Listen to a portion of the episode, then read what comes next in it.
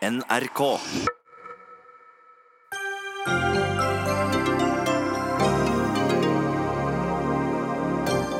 Hvorfor gikk det som det gikk i valgkampen? Vi skuer bakover og ser framover i Dagsnytt 18. En nettdatingside oppfordrer unge jenter til å gå på stevnemøte med rike menn. Reklamen er kjønnsdiskriminerende og ulovlig, mener Forbrukerombudet. Uforståelig, svarer mannen bak nettsida.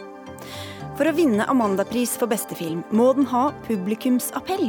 Det kravet gjør det vanskelig å ta prisen alvorlig, mener Erlend Lo, som er juryleder for den samme prisen. Og noen aviser anbefaler leserne å stemme på bestemte partier. De bør være ærlige om hvor de står politisk også ellers, ber historieprofessor.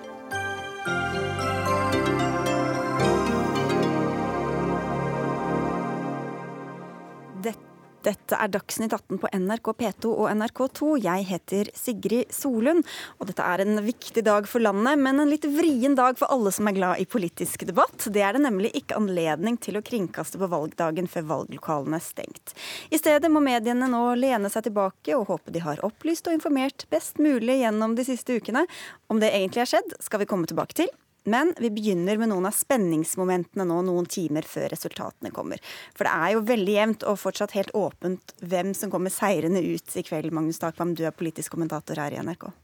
Ja, det er selvfølgelig en eh, thriller som vi har snakket om i mange dager nå. Så jeg tror alle er glad for at vi nærmer oss eh, konklusjonen. Absolutt.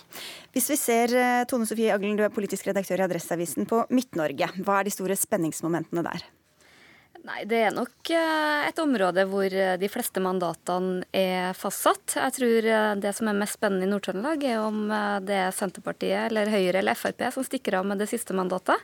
Og I Sør-Trøndelag så tror jeg SV og Lars Haltbrekken tar ett mandat, og så tror jeg det blir åpent om det er Arbeiderpartiet eller Frp som tar det siste. Og det har ganske mye å si for hvilken vei det vipper. Så jeg tror nok at dette er et valg hvor det er veldig mye nasjonale trender, og det er nok utjevningsmandatene og hvordan de havner som virkelig er spennende for oss. Ja, For det er små marginer? Det er veldig små marginer, og det er nok veldig sannsynlig at det er over eller under sperregrensa som vil avgjøre. Frøy Gudbrandsen, politisk redaktør i Bergens Tidende. Vestlandet har vært viktig særlig for Arbeiderpartiet og Høyre. Begge vil være de som skaper optimisme og arbeidsplasser. Hvordan har dere merka denne satsinga der? Nei, vi har jo merka at uh, Jonas Gahr Støre har vært mye på Vestlandet. Han har brukt usedvanlig mye tid uh, her i området. Uh, og de har jo prøvd å markere seg på mange som typiske vestlandssaker. Så det er jo mest med hans nærvær som er kanskje det spesielle. Jens Stoltenberg var jo ikke veldig mye til stede her. og det var noe av grunnen til at Høyre gjorde det så godt ved forrige valg. Og hvordan er landskapet nå, da?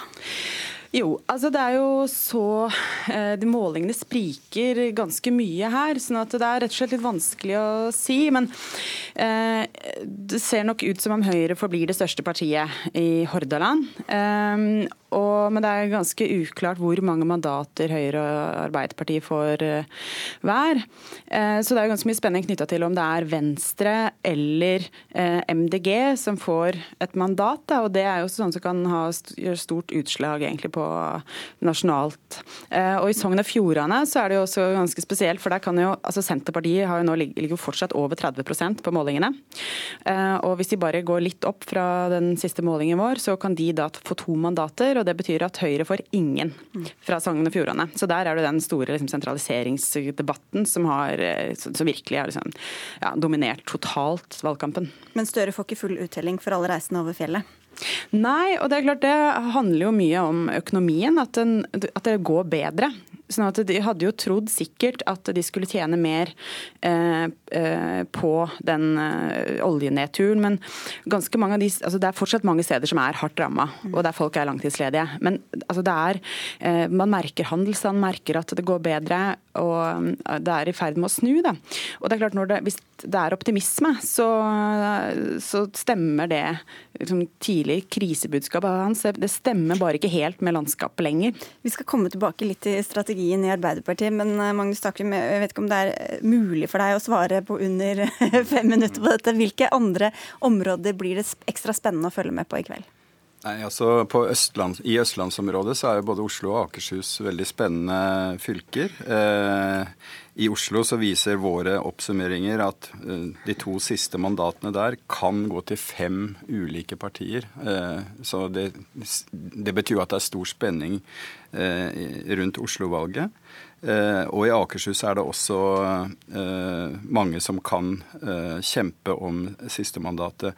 F.eks. Eh, SV eh, mot eh, Fremskrittspartiet. I innenlandsfylkene Hedmark og Oppland så er jo situasjonen også spennende. Der ligger jo Senterpartiet an til å gjøre veldig gode valg og få kanskje to mandater fra hvert av de fylkene. Og Frp risikerer å ryke ut fra begge de to fylkene i Innlandet. Så det er på en måte et urbant opprør fra venstresiden i Oslo, delvis mot Arbeiderpartiet, og så et distriktsopprør i Innlandet som rammer både Høyre og Frp og Arbeiderpartiet. Fridtjof Jacobsen, politisk kommentator i VG. Vi kan gå, se litt på, nærmere på de forskjellige partiene. Du varsler oppvask i flere, men la oss ta det ene først. I Kristelig Folkeparti? Ja, jeg eh, har skrevet en kommentar i dag hvor jeg satt og lurer litt på hva som skjer i Kristelig Folkeparti eh, etter dette valget. Eh, jeg syns særlig på oppløpssiden har det vært eh, et merkelig parti å se på. Jeg syns de i veldig lang tid nå i norsk politikk klarte å etablere en slags situasjon hvor de ville bli valgvinner nærmest uansett. Overlevde det borgerlige flertallet, så ville blokken fra 2013 overleve, og de kunne si at eh, det var greit. Eh, og hvis det ikke gikk den veien, hvis Jonas Gahr Støre skulle danne regjering, så hadde de lagd en åpning for at de kanskje kunne være med i den. Så hadde de noen famøse vedtak om at det var viktig for dem å komme i regjering, men de ville ha en regjering som ikke var særlig sannsynlig, og så skulle de kanskje være i opposisjon. De hadde holdt alle utveier åpne for at de kunne bli en slags taktisk vinner i dette valget. Og det kostet en del eh, i en lang periode. Det var eh, Hareide vred seg og vred seg hver gang det ble spørsmål om det, men helt på slutten så er altså denne strategien gått i stykker. Eh, han er nærmest blitt tvunget til å velge borgerlig side og si at han ikke skal hive en regjering, og så går hans egen partisekretær ut og på en måte tar litt bunnen ut av budskapet. Og nå er tror jeg det er veldig mye forvirring om hvilken side i politikken hører KrF hjemme på. Og jeg tror ikke partiet vet det selv. og for å komme til det du egentlig spurte om. Jeg, jeg, lurer på, hvis dette blir et dårlig valg for KrF og Hareide, om man eh, kanskje kan vurdere om han kommer til å gi seg som leder. For han virker i hvert fall som han har mistet styringen over viktige deler av partiet sitt. Aglen, hvordan har KrF og Venstre, de to støttepartiene, håndtert dette samarbeidsspørsmålet ulikt gjennom valgkampen?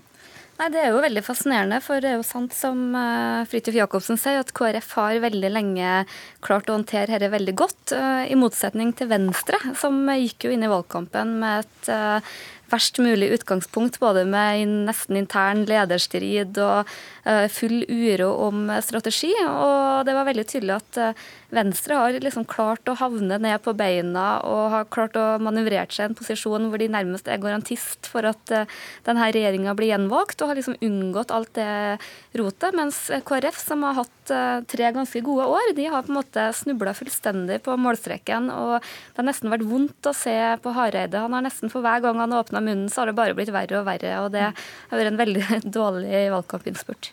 Ja, og Han ga også et intervju til VG nå helt til slutten av valgkampen hvor han var kritisk til sin egen innsats i valgkampen, noe som er ganske det, det, er ikke ofte en partileder gjør det før resultatet har kommet. Han kan jo også på meningsmålingene se ut som han styrer mot et av de dårligste valgene i KrFs historie. Så her er, det, her er det veldig mange problemer å ta tak i for en veldig presset partileder. Jeg er litt spent på hva han eh, gjør.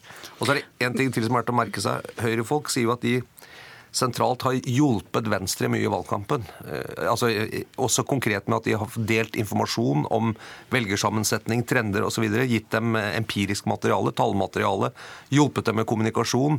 Brukt Høyres enorme partiapparat for å hjelpe Venstre til å gjøre en god valgkamp. Det kan ha gitt resultater. Mm. Jeg har ikke hørt at KrF har villet ha eller fått noe sånn hjelp fra Høyre. Kanskje de kunne trengt det. Men Frøy Gudbrandsen, Venstre, det må jo smerte også for dem, dette som stadig blir pirka på at en stemme til Frp er en stemme til Venstre? Ja, det gjør det. Fordi særlig Sylvi Listhaug er uh, et problem for veldig mange venstrevelgere. Men de har på en måte snudd, da. De var opp, altså det var jo ganske smertefullt å se på hvordan de uh, oppførte seg, særlig i forbindelse med budsjettene. Men nå har de liksom klart å snakke mer om hva de har fått til, og det fremstår liksom mer uh, Altså man kan forstå bedre hvorfor de har landa der de har gjort. Men problemet for KrF er jo at altså rundt, altså på Vestlandet f.eks. og lenger sør, så, så vil jo ikke ikke velgerne til KrF eh, eh, samarbeide med Arbeiderpartiet. Sånn at de har, Det er rett og slett eh, ganske dype splittelser i partiet. og Hareide har jo, Det er jo en veldig vanskelig jobb da, å, å, balansere på så ulike og veldig sterke meninger i et etter hvert bitte lite parti. Og så dette med en stemme til den ene er en stemme til den andre, er noe de også får høre på, på eh, rød eller sosialistisk eller sosialdemokratisk side. Magnus Takvam. Hvor plagsomt er det for Arbeiderpartiet å hele tiden få Rødt og MDG slengt på seg fra motsatt side?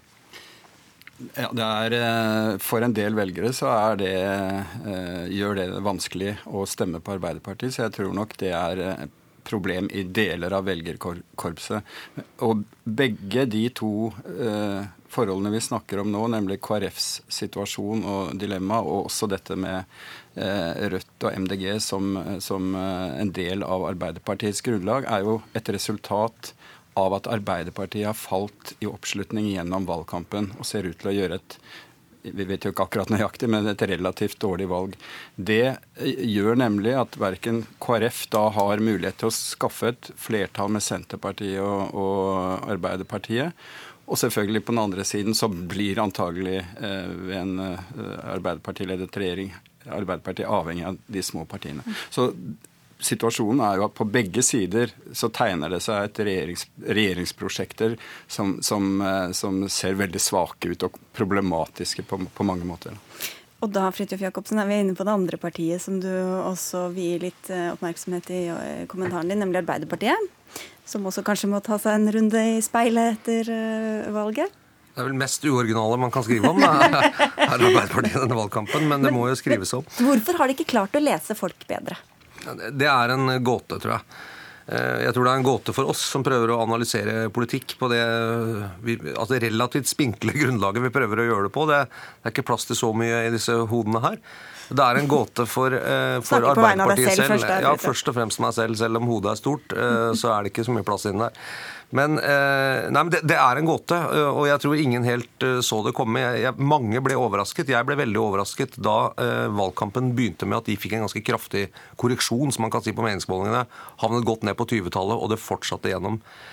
Så er det, så vidt jeg har klart å plukke opp fra kilder i partiet, så er analysen er ikke så mye at de taper velgere til andre, selv om de gjør noe i det grad, det også det er at de sliter med å mobilisere det man kan kalle Arbeiderpartiets grunnfjell. Velgere som har et relativt distansert forhold til politikk, men hvor valget står mellom å stemme Ap eller ikke gå og stemme. Denne gruppen slet de også med i 2013. Eh, det ble sagt av Jens Stoltenberg på valgnatten at grunnen til at det gikk dårlig, var at man ikke hadde fått opp på en måte man kaller LO-massene til å stemme for partiet. Ikke så mye at de stemte på noen andre, men at de ikke gadd å engasjere seg. Kanskje de føler avmakt. Og når de da sliter med den samme gruppen en gang til, Fire år senere, etter den lærdommen, så tror jeg det er noe partiet har mistet. Jeg tror det er et eller annet grep om, om deler av velgermassen som de ikke klarer å se. Kanskje det er blitt for middelklasseorientert, kanskje det bruker for mye tid på lilla-velgerne. Kanskje de ikke har sett hvor Arbeiderpartiets eh, siste på en måte velgermasse som, som, gjør at de har vært et parti over 30% i så å si samtlige valg siden uh, før andre verdenskrig, bortsett fra dette katastrofevalget i 2001, uh, at den, den siste 5-6 prosentpoengene der ligger et sted uh, som ikke man ser så godt i den daglige politiske debatten, og de har ikke klart å, å, å få dem opp. Kanskje ikke Støre er rett kandidat for å vekke disse heller. men det blir, det blir, uansett hvordan det går, så tror jeg det blir en slags sjelegransking av Arbeiderpartiet etter dette valget. Det bør i hvert fall bli det. Jeg vet ikke om du deler den plutselige beskjedenheten fra din sidemann her, Aglen, men hva tror du har skjedd med Arbeiderpartiet? Jeg tror nok det vil skrives mange masteroppgaver om Arbeiderpartiets valgkamp. Men jeg tror nok at eh, en hovedårsak handler faktisk om politiske realiteter. Jeg tror det handler om konjunkturene. Hadde det vært en situasjon med mer arbeidsledighet og litt mer økonomiske dystre framtidsutsikter, så tror jeg Støre kunne vært mye mer avslappa i kveld. Det minner mye mer om det valget vi hadde i 2009, hvor de rød-grønne hadde håndtert finanskrisa. Og så tror jeg nok at Arbeiderpartiet sin virkelighetsbeskrivelse av hvordan det går i Norge jeg tror tror veldig få kjenner seg helt igjen. Så jeg tror nok at det kanskje er hovedårsaken, og så er det mange delårsaker. Altså, som, eh, som, dere er inne på, så er det eh, gjort mange analyser av Arbeiderpartiets valgkamp eh, og, og, hvor dårlig den har vært. Det, det, er både skal vi si, ytre faktorer og, altså, som de ikke har hatt kontroll på, eh, føler jeg, som det med konjunkturene, selvfølgelig. De overdrev nok betydelig kritikken av ledighetspolitikken til regjeringen til å begynne med, og det straffer seg. Men det er klart at eh, Eh, store koalisjonsaktige partier, som Arbeiderpartiet spesielt, og delvis Høyre er, de, de sliter jo med å mobilisere når, når folk flest oppfatter at ting går rimelig greit. Da er det de gruppene i samfunnet som er mest eh, aktive, som er mest misfornøyd, eh, som da går til mindre partier. I, etter finanskrisen og den typen eh, utvikling så, så var det de store trygghets, trygghetspartiene så å si, som, som, vant. Du har også en generasjonsforklaring her, Fridtjof Jacobsen. Ja, den, den, tror jeg også den går litt mer på SV, MDG og sånne ting. Men, men jeg vil bare opponere litt mot det som Agne sier med gode tider, for at det var veldig gode tider i 2013. Eh, Norge har vel aldri gått bedre enn det gjorde i 2013. Oljeprisen var over 100, eh, nei, 100 dollar. Jeg husker jeg intervjuet Erna Solberg en dytter og sa at hvis den faller under 70, så har vi problemer. Nå er den på 40-50. Eh, og hvis de gjør et dårligere valg enn i 2013, så tror jeg det må skylde bare på konjunkturene kan bli litt feil. Jeg, jeg, tror kanskje årsaken er noe mer sammensatt. Men, men, de fikk jo ikke noe hjelp av virkeligheten eh, når det gjaldt å skape et behov for en ny regjering. Det gjorde de ikke, for folk flest opplever ikke at det går dårlig. Så generasjonsgapet. Vi har sett i særlig Storbritannia, i brexit, at det var et veldig skille mellom unge og gamle. Eh, din kollega Eivind Våge lagde en fin video om dette her på, på NRK som, som er NRK ute. NRK.no, gå inn og se den. Ja, ja men, men, som handler om at eh, vi kan se at ganske mange unge mennesker i byene de går nå mot venstre, mot SV, MDG, eh, ganske mange også mot Rødt, i hvert fall på målingene. Og jeg tror vi i fremtiden kommer til å ha et ganske sånn eh, interessekonflikt mellom de som er på vei inn i pensjonsalder eller i pensjonsalder, som skal ha ytelser ut, og en stadig mindre andel som skal jobbe, eh, som må gi fra seg mye. Og Dette kan også bli, eh, få, sitt, eh, få, et veldig tydelig politisk uttrykk når det gjelder bevilgninger og hvor pengene skal settes. Og Det tror jeg kan bli et ganske sånn krevende skille i den norske befolkning. Mer krevende enn sentrum-periferi og kristen og hedning og disse vanlige skillene. Her kan det bli en grunnleggende interessekonflikt som kanskje kan gjøre noe med samholdet i samfunnet vårt. At de ikke tåler den eh, skjevheten som det kommer til å bli mellom de som må forsørges av de andre, og de andre. Så skal vi se, bli sett på litt utenfra. Ratna Elisabeth Kamsvåg, du er retoriker ved Handelshøyskolen BI. Vi, vi pleier å vente litt med selvpiskingen, men vi går løs allerede nå. Du har fulgt denne valgkampen, og du er klar med litt mediekritikk eh, allerede før valget er, er i gang? Eller ja, avsluttet? Ja. Det er jo litt sånn at man trenger å få det litt på avstand for å kunne gjøre en sånn, eh, i hvert fall en vitenskapelig vurdering av det. Men gjennom valgkampen eh, så har, eh, så har man liksom sett at reaksjonene har vært ganske sterk og kritisk mot medias bruk av såkalt negative superlativer, f.eks. At man snakker med dramatisk effekt om ganske mye, og at det er kaos og det er krise og det er sjokk spesielt knytta til meningsmålinger, da, eh, som man får eh, daglig servert. Så det er jo det ene. Men i en valgkamp så er det jo selvfølgelig flere aktører. Media er jo på ei side og politikere på den andre. Og jo, vi ser jo at man er kritisk til politikeres måte å håndtere valgkampen på med å ikke velge å snakke om sak, men snakke om andre sin politikk. At det er noe som også irritere velgere. Så det har vært for mye målinger og store overskrifter på bekostning av sakene, er det det du sier? Ikke nødvendigvis for mange målinger, kanskje, men det er noe med dekninga av det, måten det blir brukt på, eh, som man i hvert fall eh, nå etter valget, eh, både media og vi som jobber med forskninga, vil ha interesse av å kunne gjøre en vurdering av. Dette er noe som mange har sagt, Fridtjof Jacobsen. Er du enig i det? At sakene har fått liten plass i, eh, i valgkampdekninga? Eh, man kan diskutere hva som har fått mest oppmerksomhet hos publikum, hos politikere eh, og hos de som ser på det. Eh, men jeg, vi kan jo da hvis du trykker på taggen 'stortingsvalg 2017' på VG saker, så kommer alle sakene vi har skrevet om stortingsvalget opp i en liste. Eh, og den eh, mistenker jeg at mange som, som, har kommet med dette perspektivet, at vi ikke har skrevet om saker og reelle konflikter ute i Norge, sånn, har ikke sett på den listen. Eh, den er full av mange konkrete politiske saker, enten det er striden om Andøya, om deponiet i Brevik, om det er eh, politidirektoratstriden, vi har hatt en lang serie om det, om det er eh, barnevern og privatisering av barnevern, som er rett og slett av, altså avslørende nyhetssaker som er basert på sånne ting.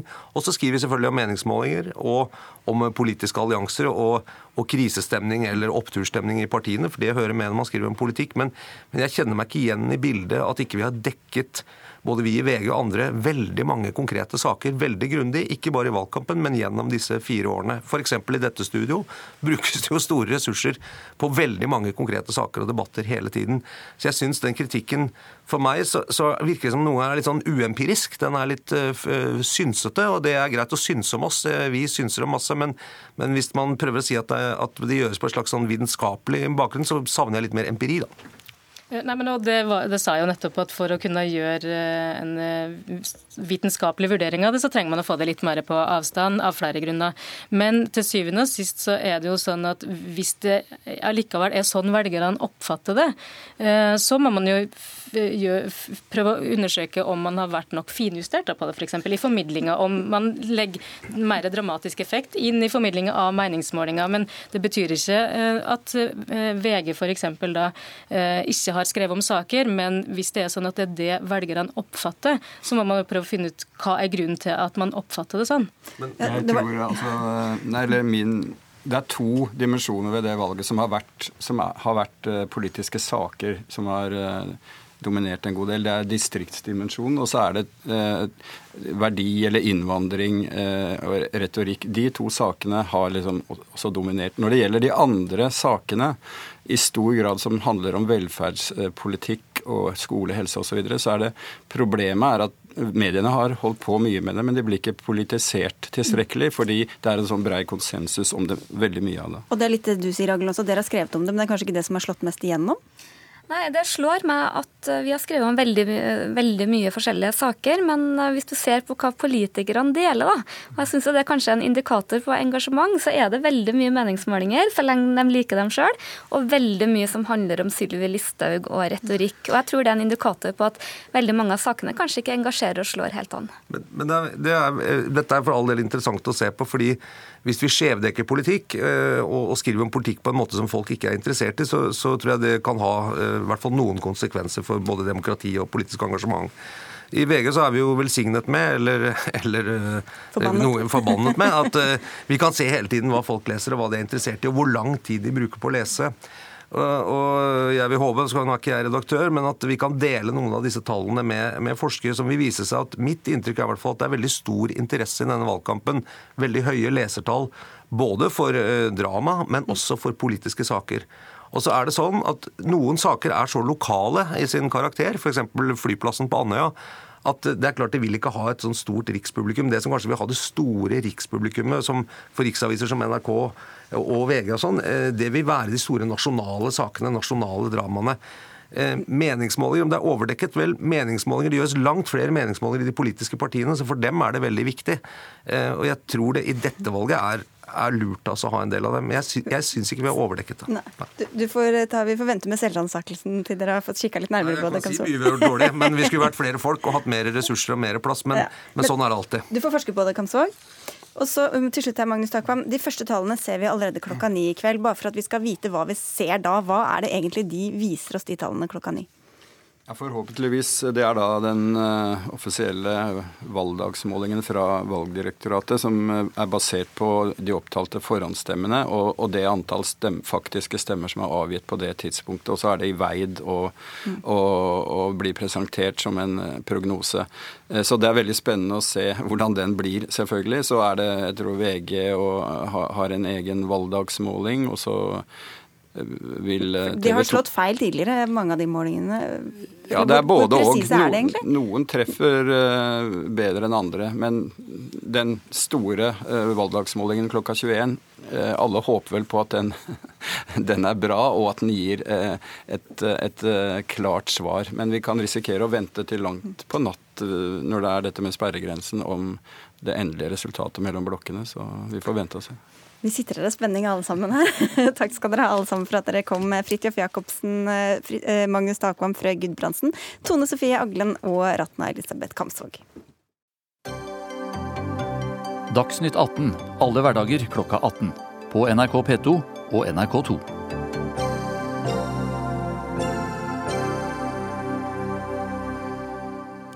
Dag våknet folk i Florida til ødeleggelsene etter orkanen Irma, som har herjet i den amerikanske delstaten det siste døgnet. Flere byer i Florida er oversvømt, og over seks millioner hus skal være uten strøm. Minst 38 mennesker på flere karibiske øyer skal ha mistet livet som følge av orkanen før den nådde USA, men nå er det ventet at den roer seg på vei nordover i USA. Anders Magnus, korrespondent, du er vest i Florida. Orkanen ble nedgradert i dag til en kategori 1-orkan. Ytterligere nedgradert nå til tropisk storm. Begynner uværet å gå mot slutten i Florida? Ja da, den er jo, denne stormen er jo på vei over eh, grensen til Georgia nå, så eh, den er definitivt slutt eh, på på herjingene her i Florida. Men det er jo fortsatt en del vann, eh, spesielt i nord, i Jacksonville, eh, hvor, eh, hvor det er flom pga. at det har regnet så mye at elven er veldig svær. Og så kommer det også inn en ganske stor tidevannsbølge på grunn av, altså i etterkant av stormen.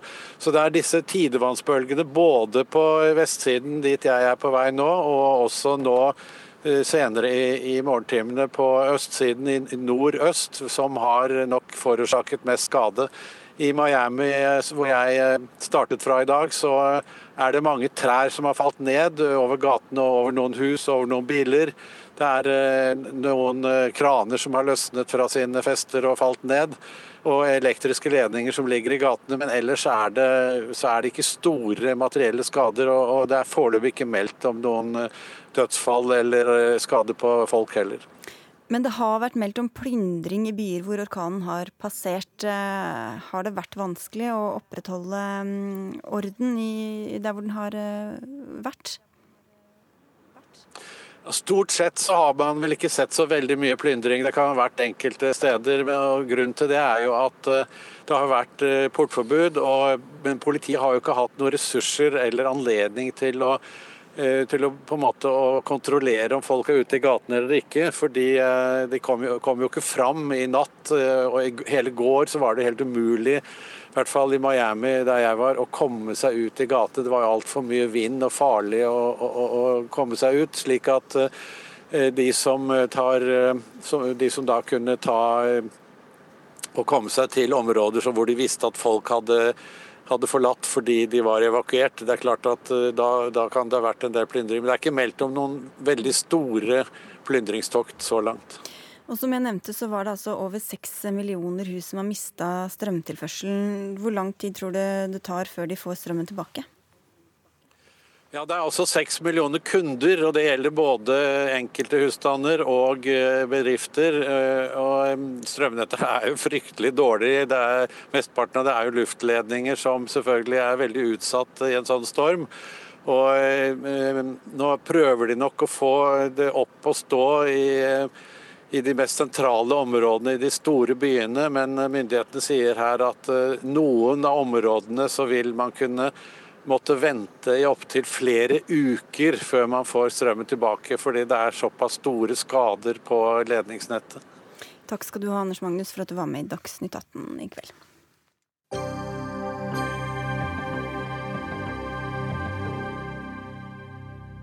Hei, studenter. Null i studielån. Date and sugar daddy. Slik lyder reklamen som den siste tida har rullet rundt i Oslos gater til, eh, på ti ulike tilhengere. Bak det hele står en nyopprettet datingnettsted som eh, tilbyr kontakt mellom såkalte sugar babies og sugar daddies. Og for de som ikke er helt inne i denne verden, ifølge nettsida er sugar babies attraktive personer som ser etter de finere tingene i livet, og som verdsetter eksotiske reiser og gaver. Sugar daddies beskriver som personer som ikke har problemer med penger, og som er sjenerøse når det kommer til å ta vare på en sugar baby. Det har vært mange reaksjoner på reklamen eh, og på nettstedet. Forbrukerombud Elisabeth Lier Haugseth, noe kommer fra dere. Dere har konkludert med at reklamen, som altså er både på plakater, på YouTube, Facebook, er ulovlig, og krever at de stanser markedsføringa. Hva ligger bak det?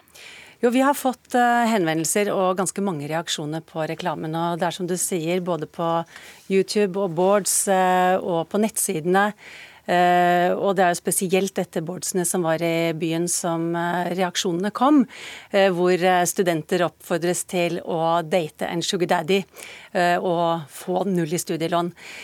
Markedsføringsloven forbyr reklame som er kjønnsdiskriminerende, og folk reagerte på denne fordi den så veldig tydelig oppfordret spesielt unge jenter til å date en sugar daddy, altså en, en velstående mann. Eh, nå var det ikke sagt med mann og kvinne i reklamen i tekst, men det var helt åpenbart med bildebruken at det var det det eh, lenket til. Og når man ser på de andre eh, reklameflatene, så er det det inntrykket man sitter igjen med. Hvorfor er det ulovlig, eller potensielt ulovlig? Ja, her er det jo snakk om at man uh, bruker en uh, bruk, altså fremstiller kvinner og menn i en veldig kjønnsstereotyp uh, framstilling. Uh, kvinner uh, framstilles som de som skal være unge, attraktive, pene. De skal få støtte, gaver, kunne være hos en velstående mann som skal ta vare på dem og være deres mentor, blant annet. Sigurd Vedal, du er administrerende direktør i dette Rich Meat Beautiful. Dere har stanset reklamen inntil videre?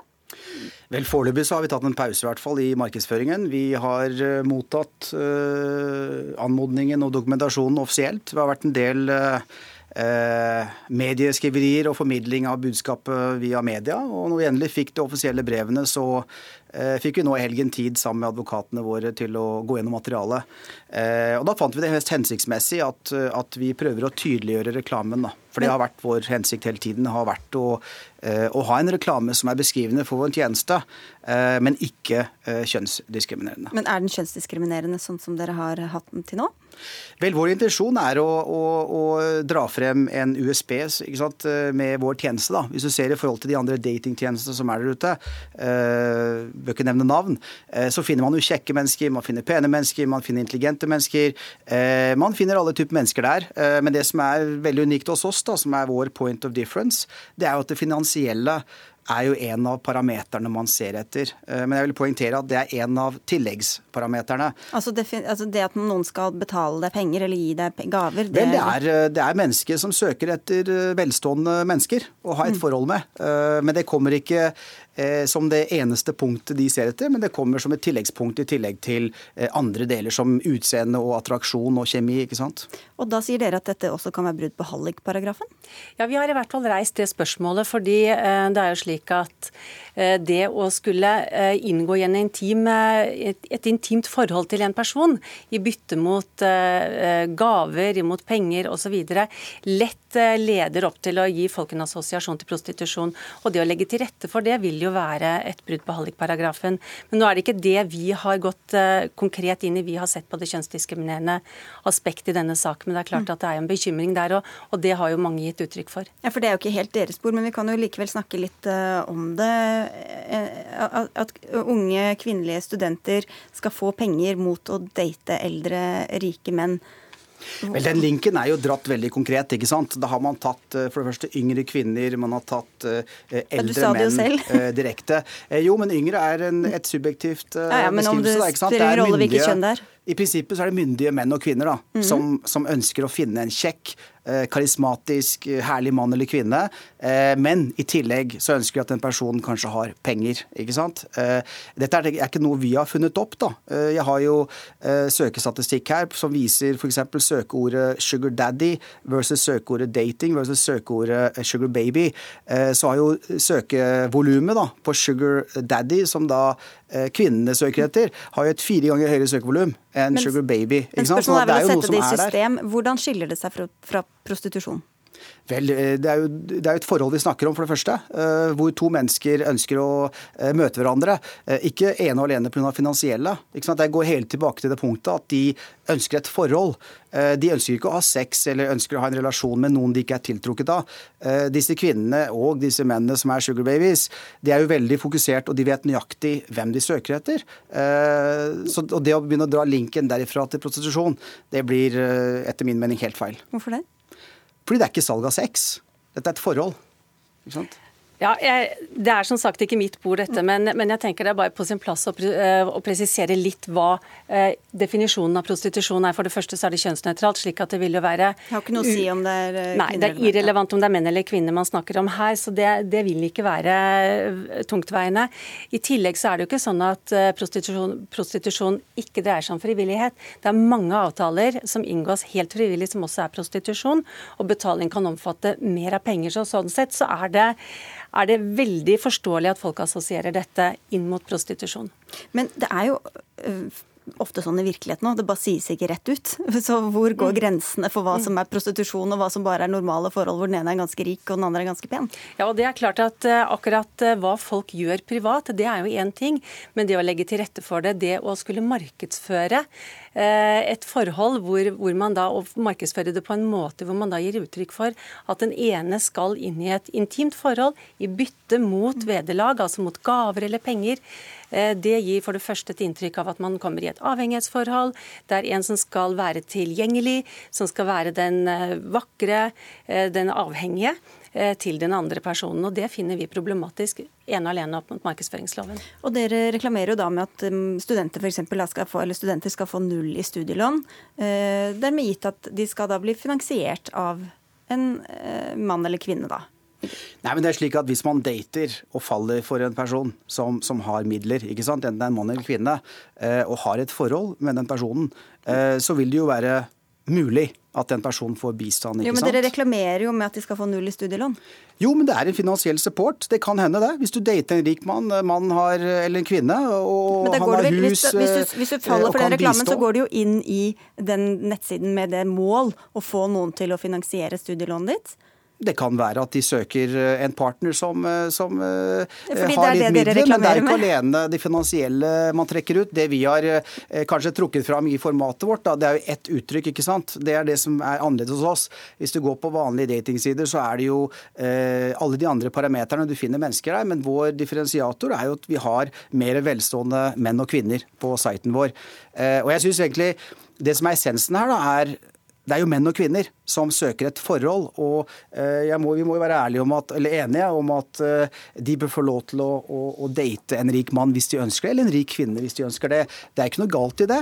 Eh, men det er klart det er kontroversielt for kanskje mange å få det sånn rett opp i, i det åpne. Men det er jo faktisk slik at dette skjer. Mm. Men til, tilbake til det med prostitusjon, altså bare for at vi skal skjønne hva som er egentlig den store forskjellen. Som, mm. som ble sagt her, så er det jo mange som har De er jo frivillig prostitusjon. De har kunder som kommer tilbake. De har innleder jo på en måte et forhold, de også. Og så får de penger for det, og den andre får sex, da. Eh, så hva er egentlig den store forskjellen på det prinsipielt og det dere reklamerer for? Vel, Forholdet er jo at det er en match da, mellom to mennesker. Det er en kvinne som går inn på siten, det er en mann som går inn på siten. Og så går man jo gjennom bildematerialet, man går gjennom og ser på utseendet, man går gjennom og ser på det som man gjør på alle andre datingsider. Eh, men i tillegg så er det en parameter som har med eh, hva man forventer seg i forhold til livsstil, mm. og hva man forventer seg og hva man har i forhold til inntekt. Og det er en del av vurderingen. Men det å dra det til eh, prostitusjon. Det blir en veldig, da, da trekker du sex mot direkte eh, vederlag. Eh, og det er ikke der det handler om. Det handler om et forhold. Mm. Men det handler om også en livsstil. ikke sant? Men det er nettopp denne ubalansen, og vi kan godt se bort fra definisjonen av prostitusjon. fordi her er, det, jo, her er det en ubalanse. fordi det er, Hvis du ser på uh, hele nettsiden, og vi var inne på nettsiden deres i dag, så er det altså uh, gjennomgående en presentasjon av sugar babies som unge kvinner som søker en mentor, som søker finansiell uh, trygghet, som skal være tilgjengelige, som skal akseptere hans Eh, liv og hans rammer. Dette er en voldsom ubalanse. Man kommer i et avhengighetsforhold. og Det, det, folk, det folk, reagerer på her, eh, det er jo at dere henvender dere til unge jenter. Eh, som Myndige er, mennesker. Myndige jenter. Det er unge jenter som kanskje ikke har den store, store erfaringen, som går inn i et forhold som skaper avhengighet til den mentoren, den velstående mannen. Det der. Og det er vanskelig å komme ut av. Nei, det vet jeg. Det er du ikke nødt til. Det gjør det frivillig. Men det gjør det ikke noe mindre problematisk. og Det er nettopp det folk reagerer på. Og det er den siden vi har sett på opp til markedsføringsloven også. Vi skal avslutte, men bare helt kort til slutt, Vedal. Hva gjør dere nå, da? Mens dere venter. Nei vel, vi, vi, har som utgangspunkt at eh, vi, vi, har som mål å bli Norges største datingside. Så enkelt er det. okay, ja. eh, vi mener vi eh, Våre medlemmer er ikke representativt for det uttrykket som kommer frem. De er ikke ofre. Det er faktisk et veldig åpent forhold. De går inn, de blir medlem, de vet hva de ønsker. Og, og Jeg tenkte mer sånn reklamemessig, men da venter dere og ser ja. hva Forbrukerombudet Forbrukerrådet kommer fram til? Ja. Så da får vi vente i spenning. Nå fikk dere i hvert fall masse reklame. Takk skal dere ha begge to, Sigurd Vedal og Elisabeth Lier Haugseth.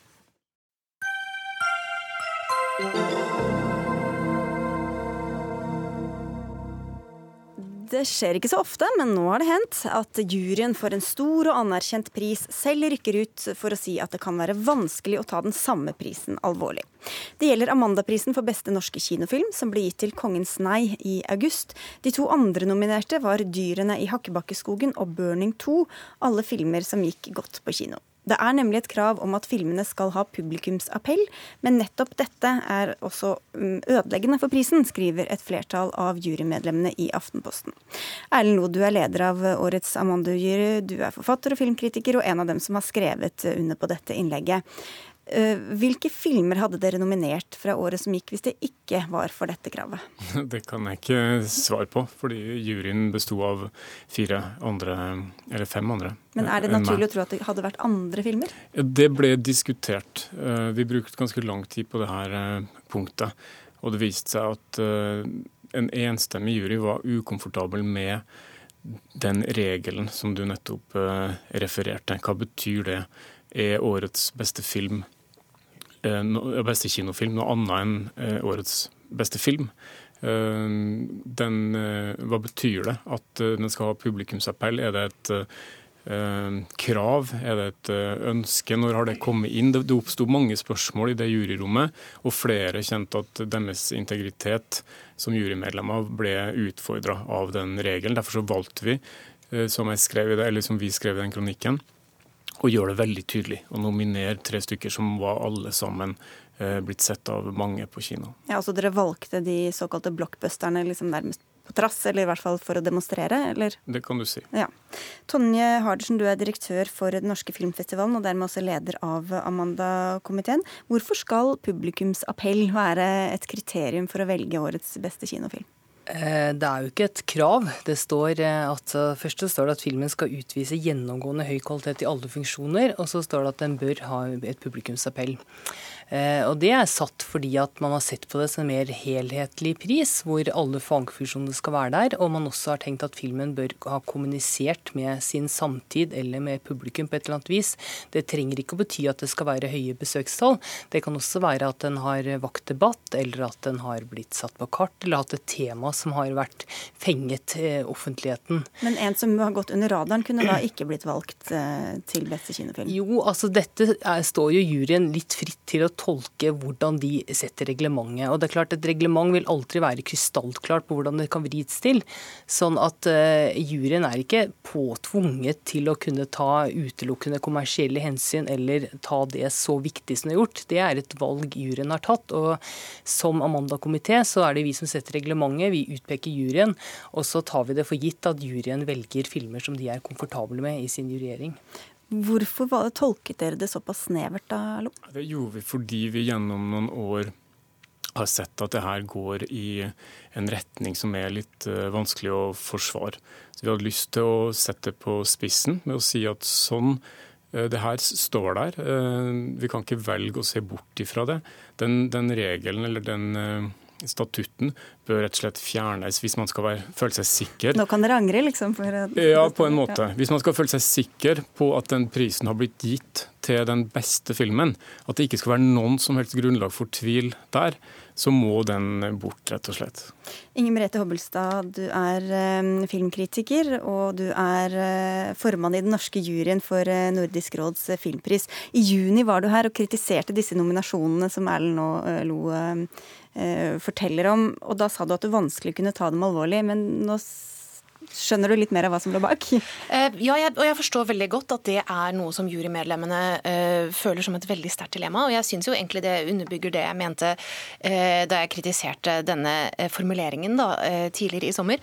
For det gjør jo også fra et publikumsperspektiv så gjør det jo at man ikke vet hva det er årets kinofilm egentlig er. Altså hva vil det faktisk si at filmen har fått denne, denne utmerkelsen? Altså nettopp fordi disse kriteriene sauses sammen. Og den eneste måten å unngå det på, er jo rett og slett å ha to forskjellige på en måte eh, anerkjennelser, da, former for anerkjennelse. At man, eh, man kan godt berømme filmer for at de har slått an blant publikum. Eh, men altså det er klart når det gjelder kvalitet, altså både filmer som har slått brettet an og filmer som ikke har slått brettet an, og alle midt imellom kan holde høy kvalitet, kan ha gode manus, gode skuespillerprestasjoner, et originalt blikk. Eh, slik formuleringen er nå, så vil det jo være som, filmer som ikke blir med i vurderingen fordi de ikke kan på en måte dokumentere denne publikumsappellen, men som likevel eh, gjør alt godt. Altså Filmen vi valgte å nominere som Norges kandidat til Nordisk råds filmpris, 'Fluefangerne Israeliu', som vant, han vant jo best Amandaprisen for beste regi.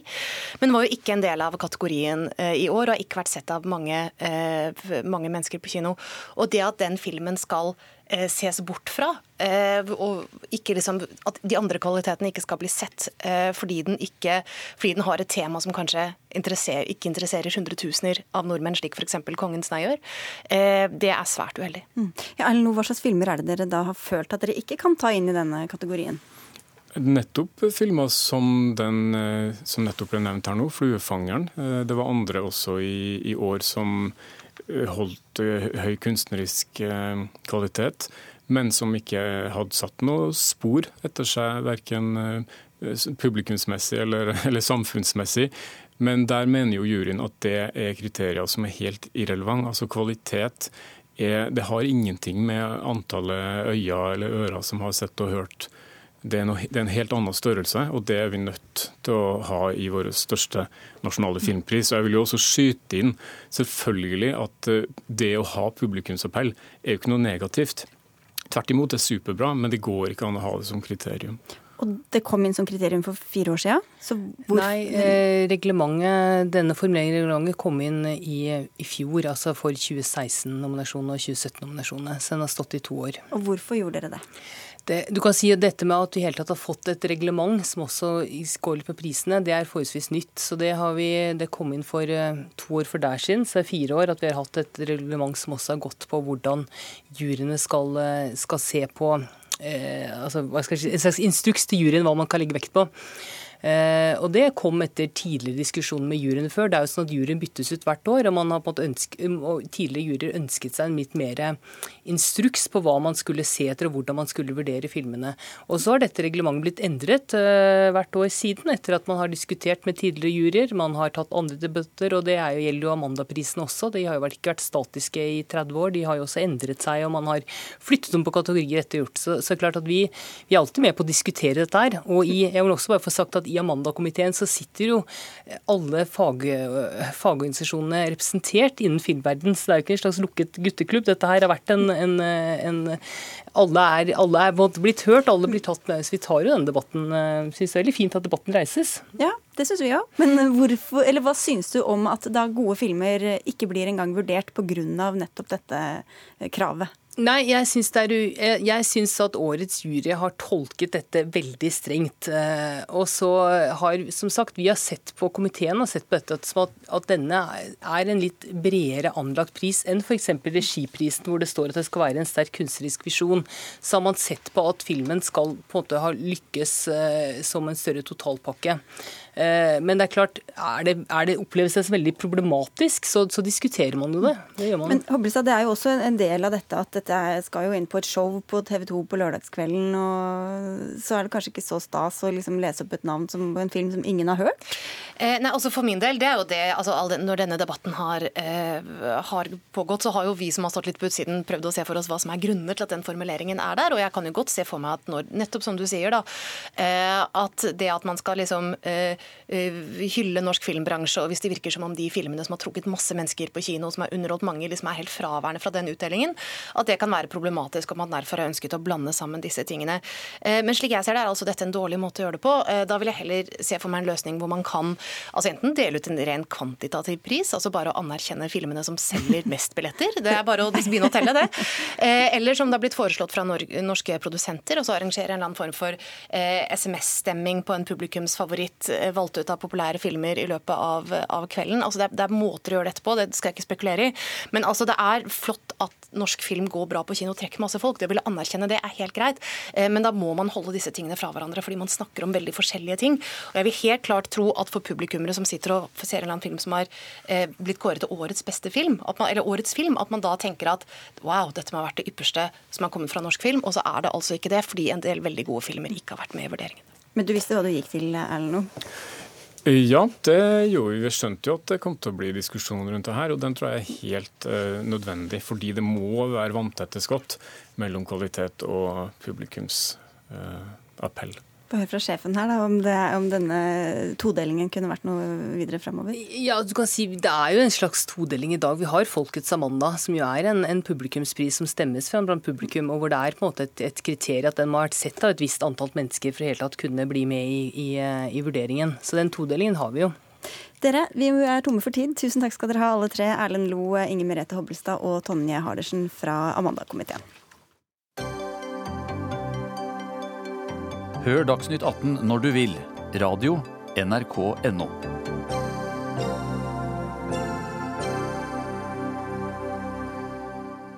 Når det nærmer seg valg, som det jo gjør nå, så skjer det noe enkelte norske aviser. De letter på sløret og kommer med en anbefaling om hvem leserne bør stemme på. Og denne åpenheten bør praktiseres oftere, sier du Kjetil Ansgar Jacobsen. Du er historieprofessor ved Universitetet i Nord. Hva savner du av åpenhet i norske aviser? Uh, ja, altså jeg er jo tilhenger av uh, politiske medier og medier som er åpne om, uh, om hvor de står. Uh, nå er det jo mange medier som har flagga politisk syn og åpent nå de, de siste, siste uka, men det blir litt sånn som Pirates of Caribbean. At når du er 20 meter fra skuta, så heiser du sjørøverflagget.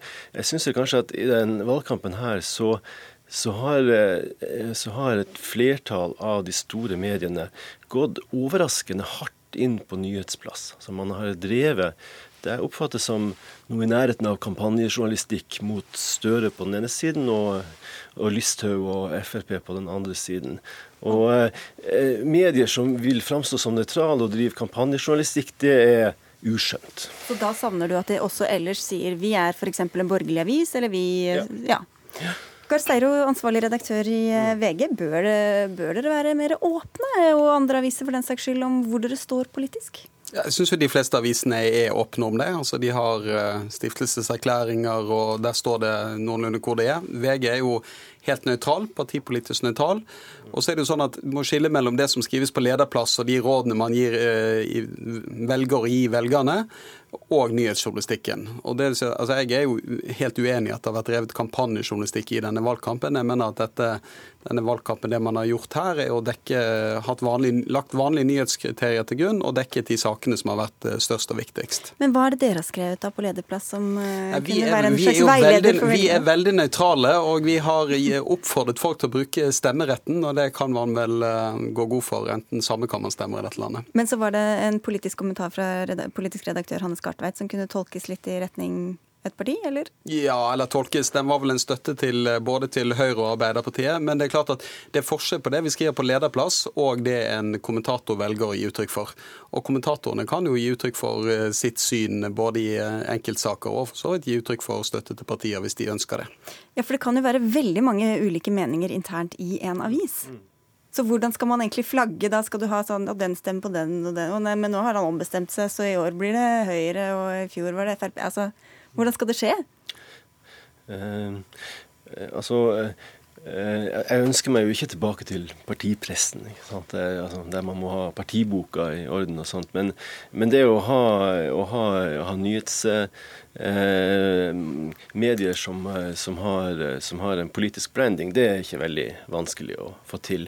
Og jeg, tror, jeg mener personlig at det idealet som har vært etter at partipressen gikk i oppløsning rundt 1980, at man, eh, man måtte dyrke journalismen som en sånn, en fagtanke eh, eh veldig sterkt. Og, og, har et ideal om å produsere nøytral journalistikk som da skal selges, eh, nøytrale nyheter som skal selges kommersielt osv. At det, det har nådd en grense. Og, eh, og, man ser veldig mye eh, aggresjon i forhold til, til mainstream-mediene. Og, og, det har noe å gjøre med at man på en måte ikke fanger opp godt nok meningsmangfoldet i, i samfunnet. Og Det tror jeg man vil gjøre bedre med eh, medier som er mer tydelig politiske mm. brander, for å si det sånn.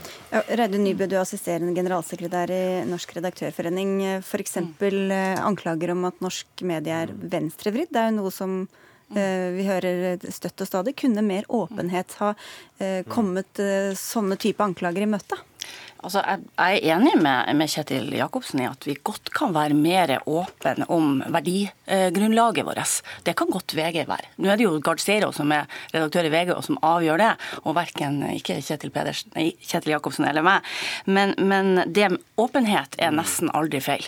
Det, er, det, gjelder om eh, de journalistiske vurderingene og etiske problemstillingene vi står i, og det gjelder også om, om verdisynet vårt.